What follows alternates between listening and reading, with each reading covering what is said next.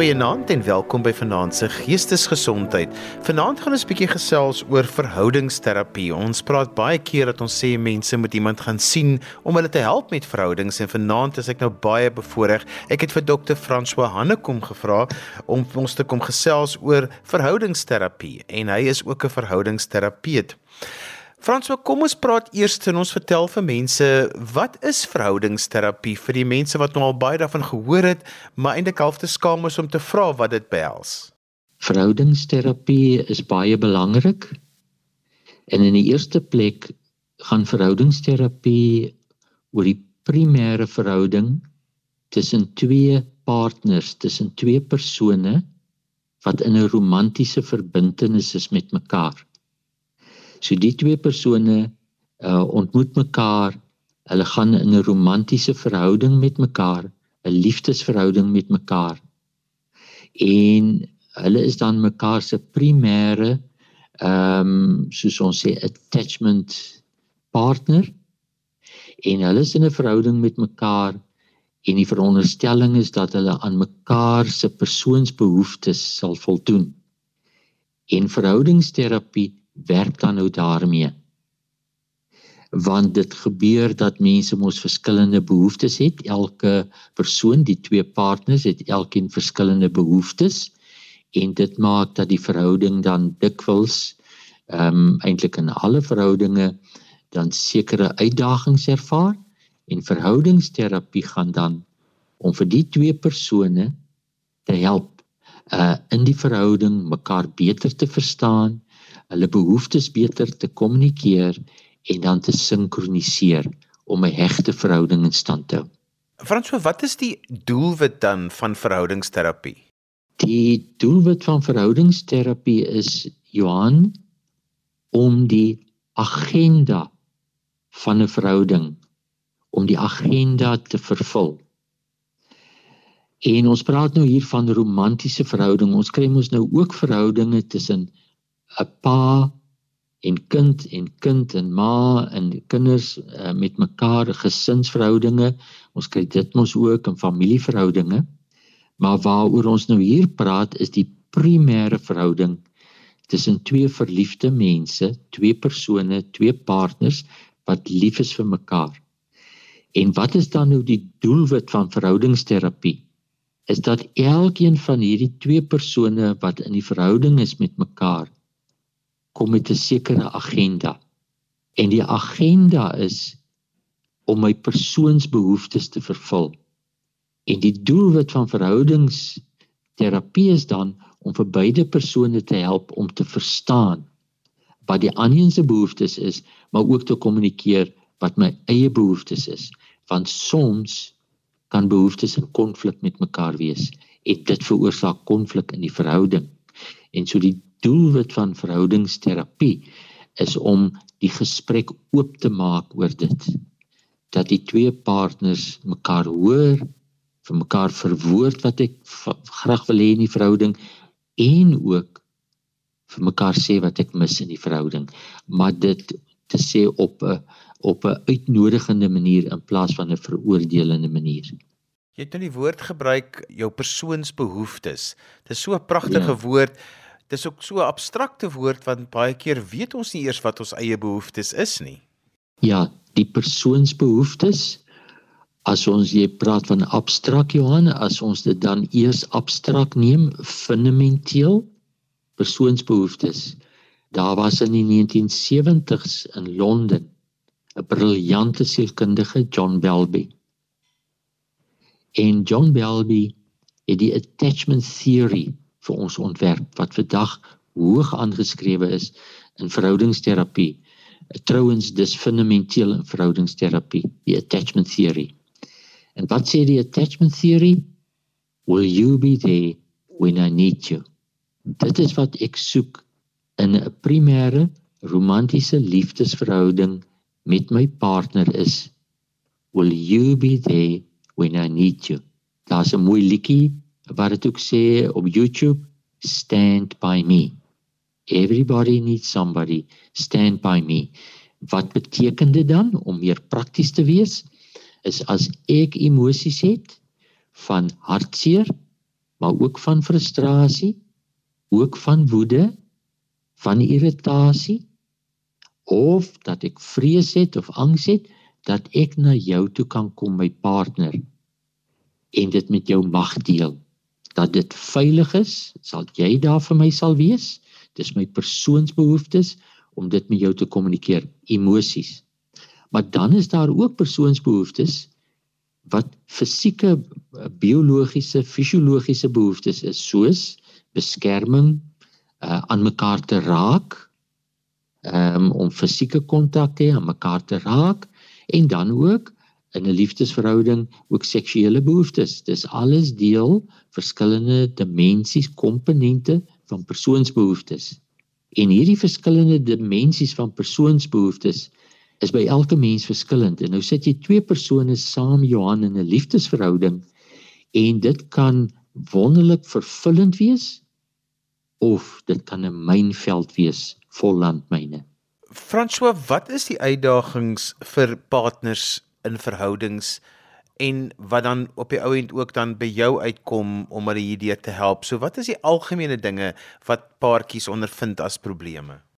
Die algemene dinge wat paartjies ondervind het ek uh, in die jare, die 45 jaar wat ek verhoudingsterapie doen, het ek vir myself wat paartjies my geleer het, Johan geïdentifiseer the big 5, die groot 5 toeriste kom ons na Suid-Afrika toe van oorsee dan wil hulle die groot vyf sien in die natuur, die olifant, die renoster, die leeu en so voort. En so in 'n verhouding is daar ook die groot vyf. Ehm um, topics, issues, ehm um, knelpunte wat uitdagings stel in 'n verhouding. Wat is die groot vyf? Die eerste is die Engelse woord chores met ander woorde huishoudelike reëlings dat die een paarte kan sê jy laat altyd jou vuil klere in die handdoek op die mat lê of in die badkamer lê. Hoekom tel jy dit nie op nie? Hierdie huishoudelike tipe dinge. Of die skottelgoedwasser ek moet dit altyd inpak of uitpak. Hoekom help jy nie daarmee nie? Dis nommer 1 2 is die finansies die tweede van die groot 5 wat in 'n verhouding ehm um, uitdagings bied en wat eise aan 'n verhouding stel. Finansies wat ons kom in ons verhouding in uit my kinderjare, my ouer huis en daar het ek onwuslik opgetel hoe werk 'n mens met geld. En as ek nou by my partner kom sonder dat ek dit weet, dan wil ek met geld werk soos ek opgetel het by my ouers en dikwels is dit dan in konflik met my partner soos geld. Die derde is skoonfamilie ehm um, skoonfamilie en familie is maar altyd 'n uitdaging, die uitgebreide familie. Uh ek sê dit in Engels. In-laws is baie keer geneig om soos outlaws op te tree. En dit bring die wilde weste in ons verhouding in. Dis Texas. Die wilde weste en dit maak seer. Die vierde is kinderopvoeding. Want as ons 'n babatjie kry, Ons leer nie in die skool Johan hoe om 'n babatjie groot te maak nie. Waarna toe val ons terug? Onbewuslik weer. Nou my ouers my groot gemaak het. En dan gaan ons so intoe terug en dikwels is dit die teenoorgestelde van my partner. Dis die vierde ding wat uitdagings stel in 'n verhouding soos jy vra. Die vyfde is seksuele koneksie. Fisieke intimiteit, uh seksuele uh, koneksie saam. Dit is ook dis die vyf groot dinge wat in 'n verhouding uitdagings is. Franswa, dit is altyd vir my so hartseer wat mense is altyd so opgewonde aan die begin van 'n verhouding en dan die mense het regtig sterre in hulle oë, alles, hulle blaas net hartjies en was my vraag altyd ja. maar hoe het ons nou gekom van waar ons nie genoeg van mekaar kan kry nie en waar ons nou eintlik niks meer met mekaar te doen wil hê nie. Hoekom eindig so baie verhoudings of kom so baie verhoudings op daai punt uit? Dankie Johan, jy som dit so mooi op. Jou observasie is so raak so spot on gediagnoseer. Ja, dis ongelukkig wat gebeur. Soos jy sê die sterre in die oë word op die ou en sand in my oë. En dis die hartseer. Die eerste is Johan. Ehm um, om dan vir as 'n paartjie kom wat die sterre het sand in hulle oë geword vir verhoudingsterapie. om eers vir hulle te sê julle is nie sleg nie. Julle is nie aspres nie. Julle is nie moedswillig dat die sterre sand in julle oë geword het nie en dat julle seer het om dit te normaliseer. Johan elke liefdesverhouding kom op die ount uit by konflik. Dit bly nie in die romantiese fase nie. En hierin help imago couples therapy vir ons op 'n wonderlike manier. Dis een van die top verhoudingsterapie in die wêreld vandag. Oor 'n periode van 40 jaar in die FSA ontwikkel word steeds ontwikkel en verfyn en imagoterapie het vir ons geïdentifiseer. Hulle noem dit the spiral journey, die sirkelgang. 'n Liefdesverhouding Johan gaan deur fases. En alle liefdesverhoudinge gaan daardeur. En soos jy mooi sê, dit begin by die romantiese fase. Maar die romantiese fase hou so 6 maande, maksimum 2 jaar. Dan gaan ons oor in die volgende fase. En dis die power struggle, die magstryd. En dan soos jy sê, dan dan breek alle hel los, dan kom al die dinge uit uh, al hoe meer, my maat irriteer my al hoe meer. En dit is onafwendbaar, Johan, elke romantiese verhouding bly nie in fase 1 die romantiese nie, dit gaan oor na fase 2 en dit is dan die magstryd. Want dan kom al die die die groot 5, die big 5, al hierdie dinge begin dan manifesteer. En dan is verhoudingsterapie belangrik. Want Johan, wat dan gebeur, dis menslik. Dan begin ek dink, wow, hierdie partner van my, ek moes nooit hierdie partner gekies het nie. Ek moet uit hierdie verhouding uitkom en ek vervang hierdie partner met iemand anders. Wat ek verstaan, dis hoe ons dink. En dan op die ou end ek noem dit repetition compulsion, dan herhaal ek dieselfde proses net met 'n nuwe partner. So die wonder van verhoudingsterapie is om te sê, "Mm, -mm kom ons pos, moenie exit nie. Moenie die verhouding verbreek nie.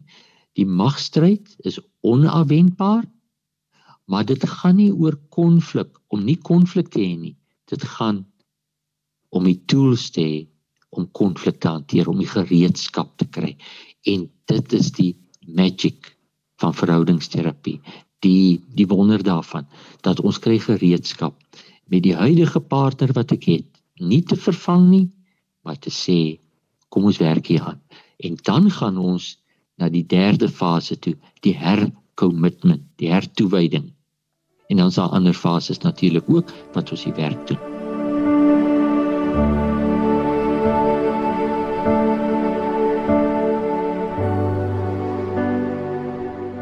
François, baie mense sê vir jou dat verhoudings is harde werk. En het ons soms baie keer onrealistiese verwagtinge van hoeveel werk 'n verhouding eintlik is? Die eerste is in jou vraag, uh wil ek net onderskei dat jy eers sê die verwagtinge dat jy sê alle mense gaan in 'n verhouding, romantiese verhouding met verwagtinge? Ja. Ons gaan met verwagtinge en ons kom met hierdie persoonsverwagtinge soos ons net toe gesê het my persoonsbehoeftes die dimensies in my persoon wat ek vervul wil hê so ek gaan daarmee in die verhouding en dis reg want dis hoekom 'n verhouding daar is vir wederwysige persoons en verhoudingsvervulling jy's reg egter as ek jou wat, wat ek dis soos ek jou vraag hoor is dat 'n mens baie keer dan met onrealistiese verwagtinge in die verhouding gaan Met ander woorde wat ek kom ek wees konkreet. Ek verwag om 'n partner te hê wat al my behoeftes 100% gaan vervul. Dis onrealisties. Daar bestaan nie in die praktyk so iets volgens my ervaring nie en my belewing nie. So dan het jy onrealistiese verwagtinge. Dis die eerste. Sodat 'n mens in verhoudingsterapie dan saam daarmee werk en sê maar uh, is daar nie sekere verwagtinge wat onrealisties is nie wat 'n mens dan net bietjie moet afskaal en aanpas met die verwagtinge. Die tweede deel van jou vraag Johan het jy gesê die werk om te werk in 'n verhouding. Wat ons gewoonlik doen ons oorskat die verwagtinge en ons onderskat die werk wat ons moet doen. Dis gewoonlik wat gebeur. Met ander woorde, ek het te hoë verwagtinge wat nie realisties is nie. Ek gaan nie 'n Mr. Right of 'n Mrs. Right kry wat alles reg doen. Uh die ander aan die ander kant soos jy sê, jou vraag impliseer is dat ons onderskat die werk wat ons moet doen. Dis harde werk. 'n Verhouding is harde werk. Maar die wonderlike daarvan is Johan, die dividende. Hoe harder ons daaraan werk, hoe meer is daar persoons en verhoudingsvervulling. Uh dis Johan soos 'n uh, ons tuin. My tuin by my huis. Hoe minder ek in die tuin werk en aandag aan die tuin gee, hoe meer gaan my tuin 'n halfe rommelhoop word. Maar hoe meer ek in my tuin werk, hoe meer gaan ek geniet om in my tuin te sit en rustig te wees. Dit is dis 'n 'n metafoor. Dit is 'n pragtige metafoor en ek dink dit is vir ons luisteraars, dit gee sommer dadelik 'n konteks van wat in 'n verhouding ingaan. François, ja. my volgende vraag gaan oor as mens nou in die moeilikheid in die rooi en hardloop met jou verhouding, daar's nou verskeie faktore oor wat kan gebeur het en iemand, 'n gewone vriend of 'n miskien iemand van jou kerk of iemand wat jy respekteer sê mhm. jy moet nou gaan vir verhoudingsterapie. Nou ja. maak mense afspraak Meeste mense is nogal angstig want hulle weet nie wat gaan gebeur in daai sitvertrek daar by 'n terapeut nie. Wat gebeur as ja. mense nou daar by jou aankom? My ma sê altyd en toe kom hulle nou daar by jou aan. Die eerste is vir 'n paartjie om aan te meld vir verhoudingsterapie. Hulle is kampioene, hulle is helde, heldinne dat hulle dit doen. Van die skerry, dis skrikwekkend. Dis nie maklik nie. En om al twee partners te kry op dieselfde bladsy dat hulle wil gaan. Dis dis 'n wonderwerk en dis 'n groot pluimpie vir hulle want wat ons sien in verhoudingsterapie Gottman het navorsing gedoen John Gottman Gottman Couples uh Institute Washington University. 40 jaar hy sê vat 'n koppel ongeveer 7 jaar om op dieselfde bladsy te kom vir terapie. Eers wil jy een gaan, dan wil jy aan een nie. Dan wil jy aan een gaan, dan wil jy aan een nie. So dit switch, dit deel van die magstryd. Goed, nou kom hulle aan die feit dat hulle kom beide. Dis 'n wonderwerk en hulle is helde dat hulle doen. Tweede is dit is dis skrikwekkend om dit te doen want hulle weet nie wat gaan gebeur nie. Volgende punt is daarom wat gebeur in die sessie. Dis belangrik dat die terapeut veiligheid skep vir hulle emosionele veiligheid, uh psigiese veiligheid dat die paartjie kan voel, wow, hier is iemand wat na ons luister en ons mag praat oor ons frustrasie en ons mag ons woede deel. Ons mag ons irritasie deel, maar ons mag ook ons hartseer deel. Dit is baie belangrik om dit te skep en dis dis in die eerste sessie fundamenteel dat die paartjie die gevoel kry hier's 'n veilige ruimte waar ek mag praat. Want dis die probleem as die paartjie uh um, op hulle eie probeer om die konflik uit te sorteer is ons luister nie na mekaar nie. Dit dit werk net so. Ons val mekaar in rede, ons word kwaad vir mekaar, raak getrigger. So ons kry nie reg om in 'n veilige ruimte te skep en te praat met mekaar nie. Daarom die terapeut skep dit. En dis wat dan gebeur. En dan die volgende dat die terapeut dit beheer dat albei nie gelyk praat nie want dis wat hulle by die huis doen. Wat menslik is val mekaar in rede blameer mekaar dat die terapeut help een praat en die ander een luister. Nou daar's terapeutiese intervensies wat ek gebruik om dit te doen wat ons as terapeute gebruik om te help dat een praat en een luister. Dis die tweede ding. Die derde wat belangrik is wat gebeur in die sessie die terapeut moet neutraliteit hê terapeut moet nooit kan kies nie en dis wat in die sessie gebeur dat beide partners voel wow hier word na my geluister my kant word gevalideer en verstaan en daar word die kant gekies nie. En wat dan die volgende gebeur is binne in die sessie soos jou vraag vra dan begin ontluik en ontdooi die die elke persoon waar hulle in hulle defenses verdedigingsmeganismes in wat ek verstaan, begin hulle dit wegsit. En hulle begin broos word. En hulle begin hulle broosheid deel. en hulle kom uit hulle boos siklus, die boosheid. Ons is boos vir mekaar wat menslik is want ons is seer en hulle gaan af na die broosheid, na die diepte van my hart. En dan dat mense die paartjie al twee paartjies mekaar op 'n nuwe manier ontdek. Dat agter die boosheid is daar 'n broosheid en 'n stukkend. En dit skep nuwe koneksie. François, baie keer is 'n mens met mense gesels en jy stel voor dat hulle verhoudingsterapeut moet gaan sien, hmm.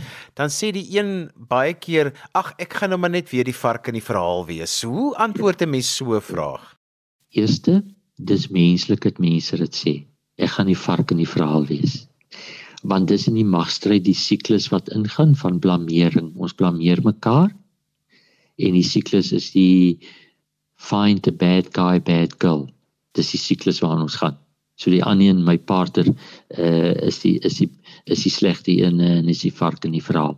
So uh, so in die magstryd word die paartjie gewoond daaraan uh dis wat gebeur. En daarom as 'n mens nou sê gaan verhoudingsterapie soos jy sê Johan dan sê hulle ag dit gaan nou maar ook weer in die sessie gebeur. Dis nou wat gaan gebeur.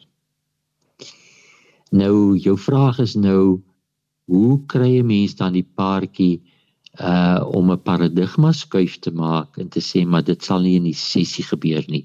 Dis soos ek jou vraag verstaan. Nou daar is 'n 'n metafoor 'n analoog wat wat help daarmee wat ek gebruik. As so 'n paartjie en een van die paarte sê nee, ek gaan nie gaan die vark in die verhaal wees om dan te gebruik 'n kardioloog. As ek na 'n kardioloog toe gaan, hartspesialis. En ek sê vir die hartspesialis, maar ek het hartprobleme, my hart is uit ritme of ek kry 'n angina, ek voel nie gemaklik nie dan gaan die hartspesialis definitief vir my uitskel of vir my die vark in die verhaal laat voel omdat ek nie na my hart gekyk het nie. Die spesialis gaan vir my help. Die spesialis gaan nie veroordelend wees nie. Die spesialis gaan help om my hart reg te maak. Dis verhoudingsterapie. Johan, ons gaan na die verhoudingskardioloog toe met die hart van ons verhouding die hart van ons verhouding is meer as elke partner se hart. Dis die hart van ons verhouding. En hier is niemand te vark nie. Hier is twee seer mense met 'n verhoudingshart wat seer is. En dan word daar nie geblameer nie. Dan word daar gediagnoseer.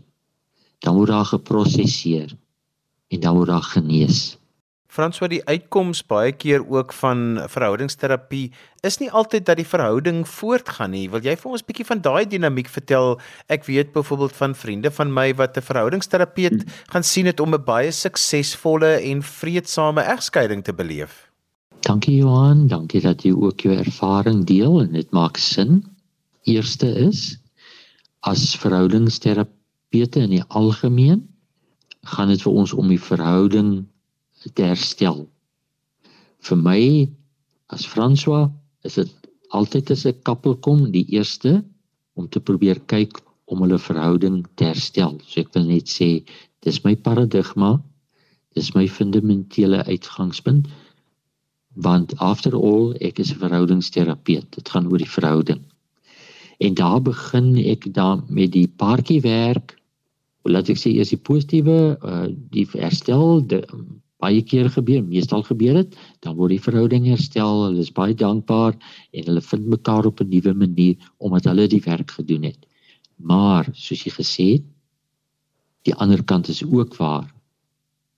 Is dat 'n paartjie aanmeld vir verhoudingsterapie met seer kry, met swaar kry en in die verhoudingsterapie net insig kry en al hoe meer mekaar beter verstaan maar beter verstaan in die sin Johan dat hulle besef ons kan nie aangaan so in ons verhouding nie eintlik moes ons nie in hierdie verhouding gekom het nie ons het impulsief en ons het uh, met oogklappe aan impulsief het ons net 'n besluit geneem om by mekaar te kom, maar eintlik moes dit nie. Ons het nie daaroor nagedink nie.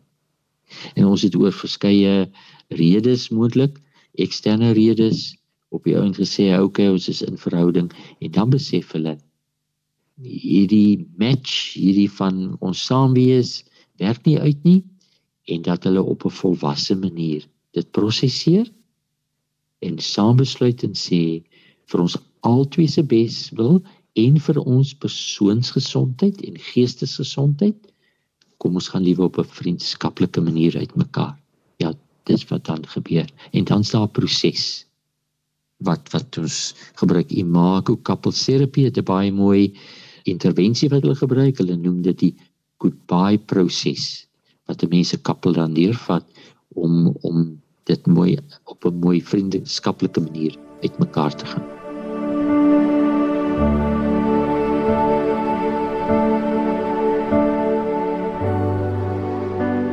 Franso, kom ons praat oor konflik. Konflik is nou nou iets wat mos nou in verhoudings redelik algemeen voorkom. En hoe moet verhoudings en paartjies en lewensmaats dink oor konflik? Dankie Johan, dis belangrik wat jy sê. Jy het gesê konflik kom algemeen voor. Ja. So die eerste is, soos jy sê, ons moet aanvaar konflik is deel van 'n verhouding. Dit is baie belangrik want ehm um, alle verhoudinge het konflik ook gesinsverhoudinge, familieverhoudinge, werkverhoudinge, maar dan ook romantiese verhouding, liefdesverhouding het konflik. Tweede is baie keer word ons groot word uh, kind groot en hulle sien by ouers konflikvermyding, conflict avoidant styl. En dan dink hulle, wow, Palma het nooit konflik gehad nie en hulle het swaaf die veronderstelling en die persepsie gekry daar is nie konflik in 'n verhouding nie. Dan kom hulle in 'n romantiese verhouding en hulle gaan met hierdie benadering in die verhouding, konflik hoort nie tuis in verhouding nie.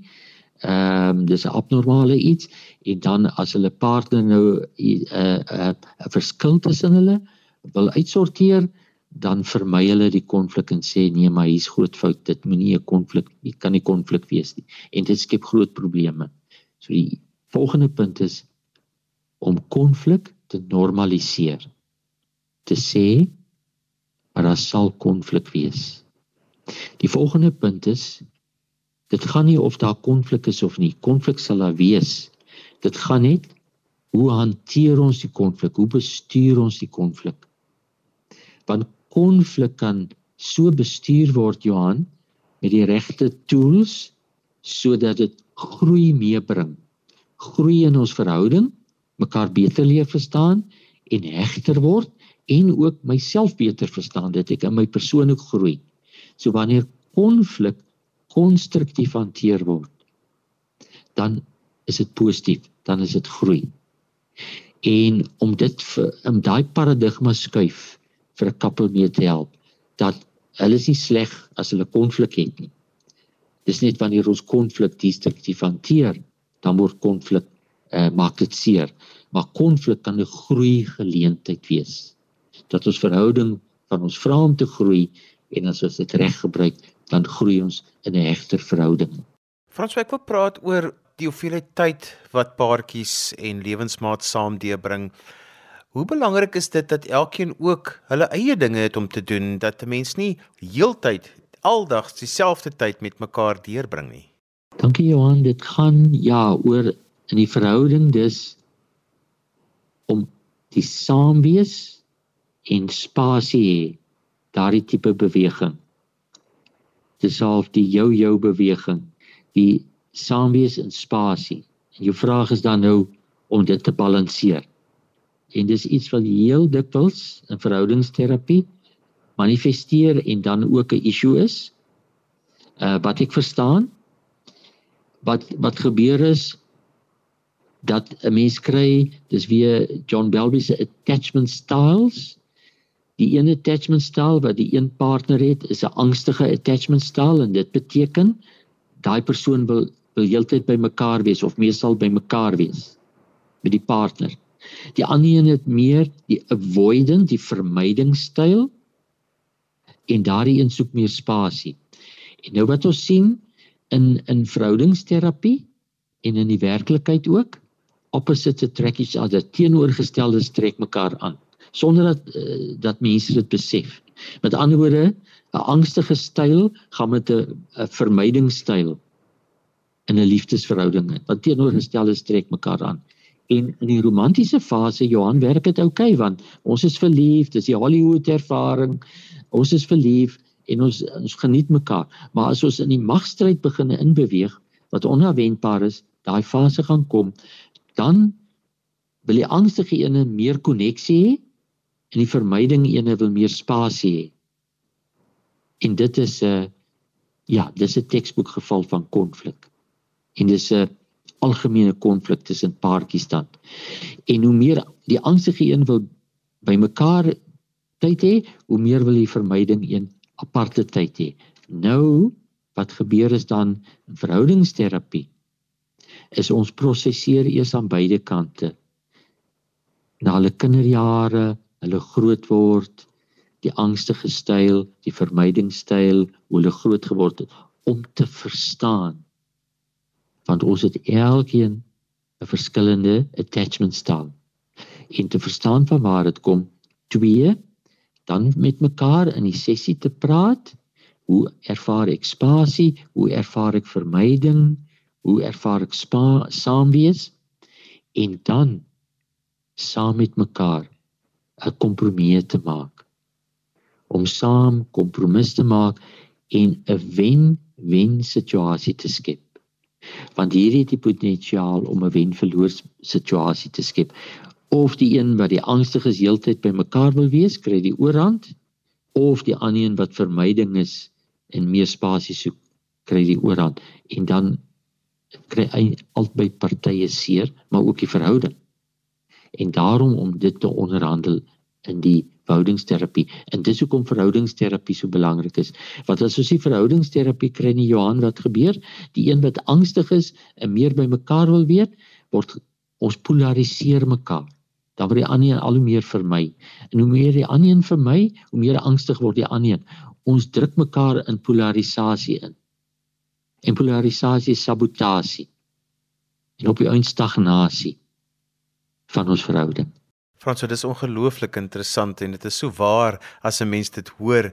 My ander vraag is die ene wat ek dink seker 'n bietjie van 'n klise is, ja. maar is die ding van wanneer daar nou 'n derde persoon in 'n verhouding was, dan land mense ook nogal baie keer by 'n verhoudingsterapeut.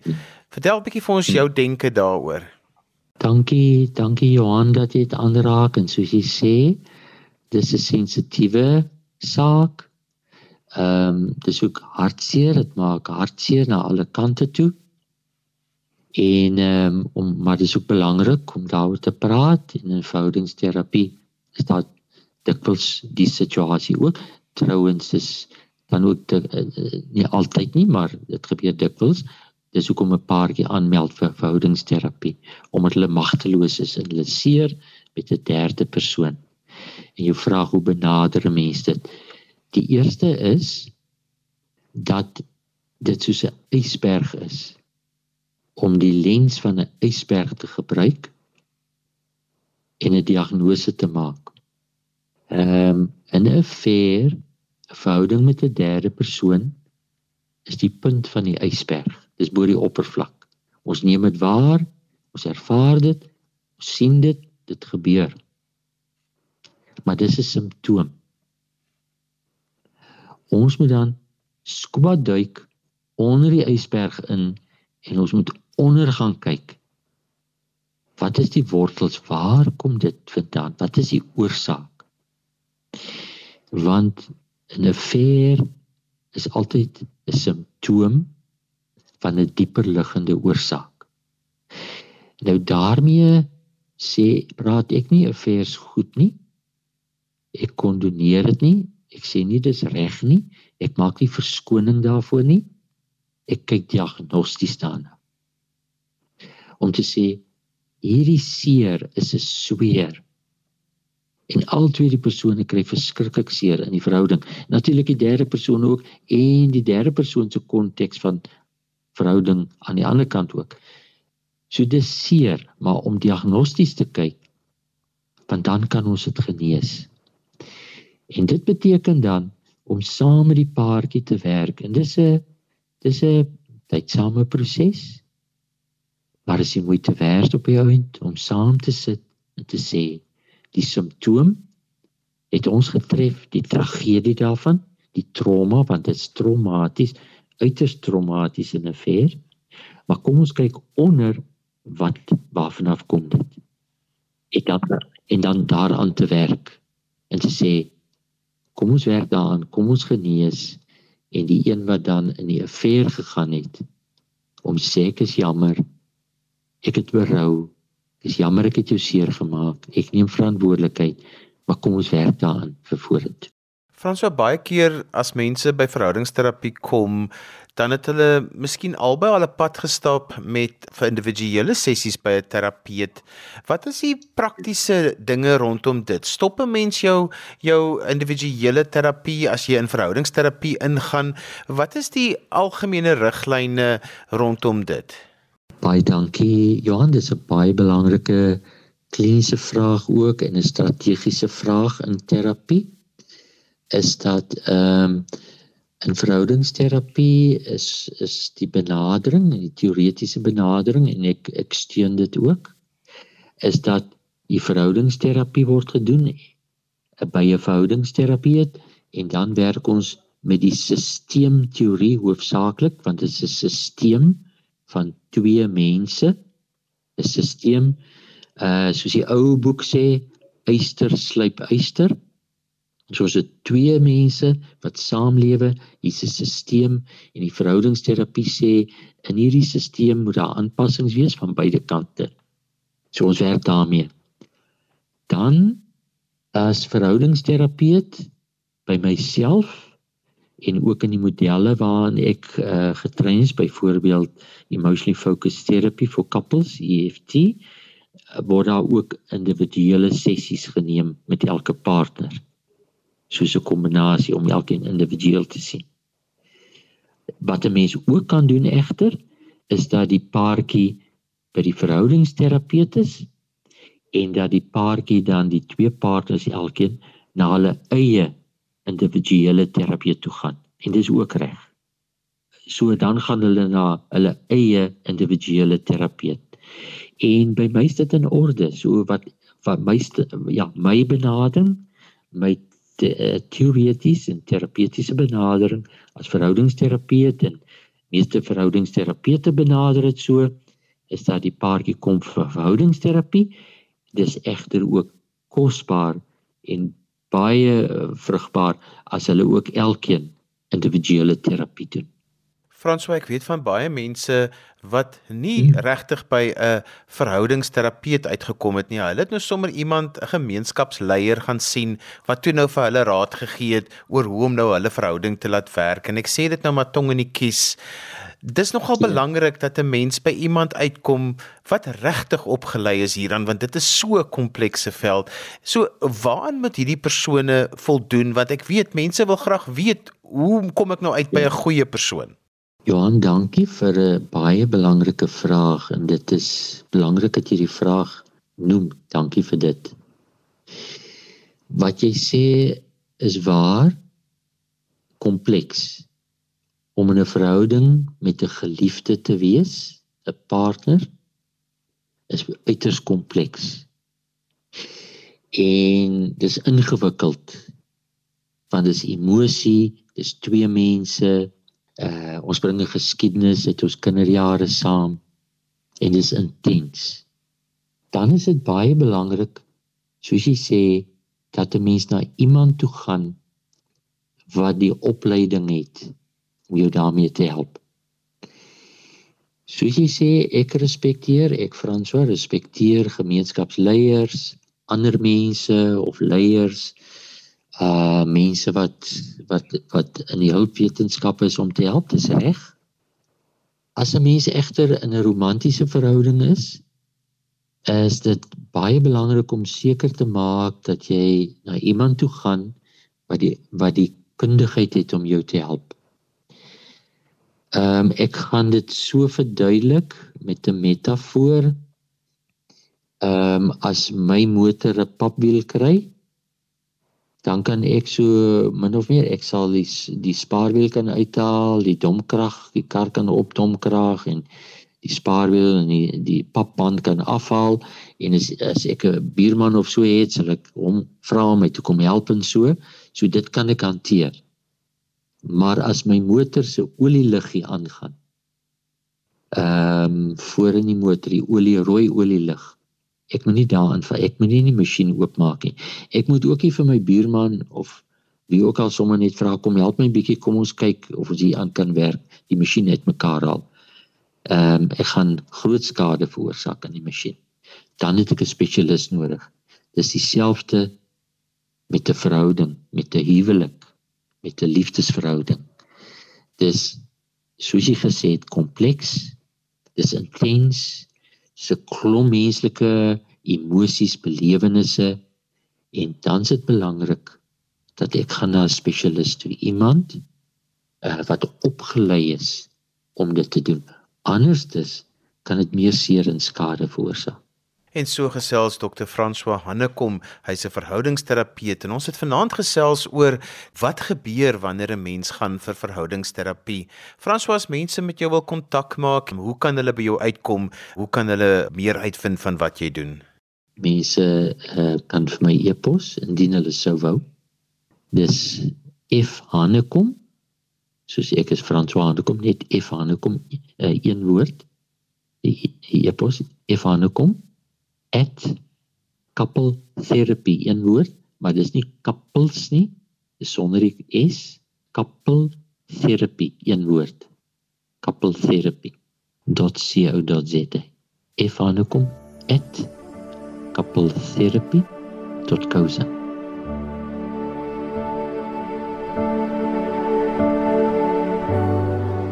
En daarmee is gekom aan die einde van vanaand se geestesgesondheid. Onthou jy kan weer na vanaand se program luister as 'n potgooi en laai dit af by resgep.co.za. Skryf gerus vir my 'n e e-pos by Johanvanlil@gmail.com en onthou daai Johan het net een N. En daarmee groet ek dan vir vanaand. Kyk mooi na jouself. Tot volgende keer van my Johan van Lille. Totsiens. thank you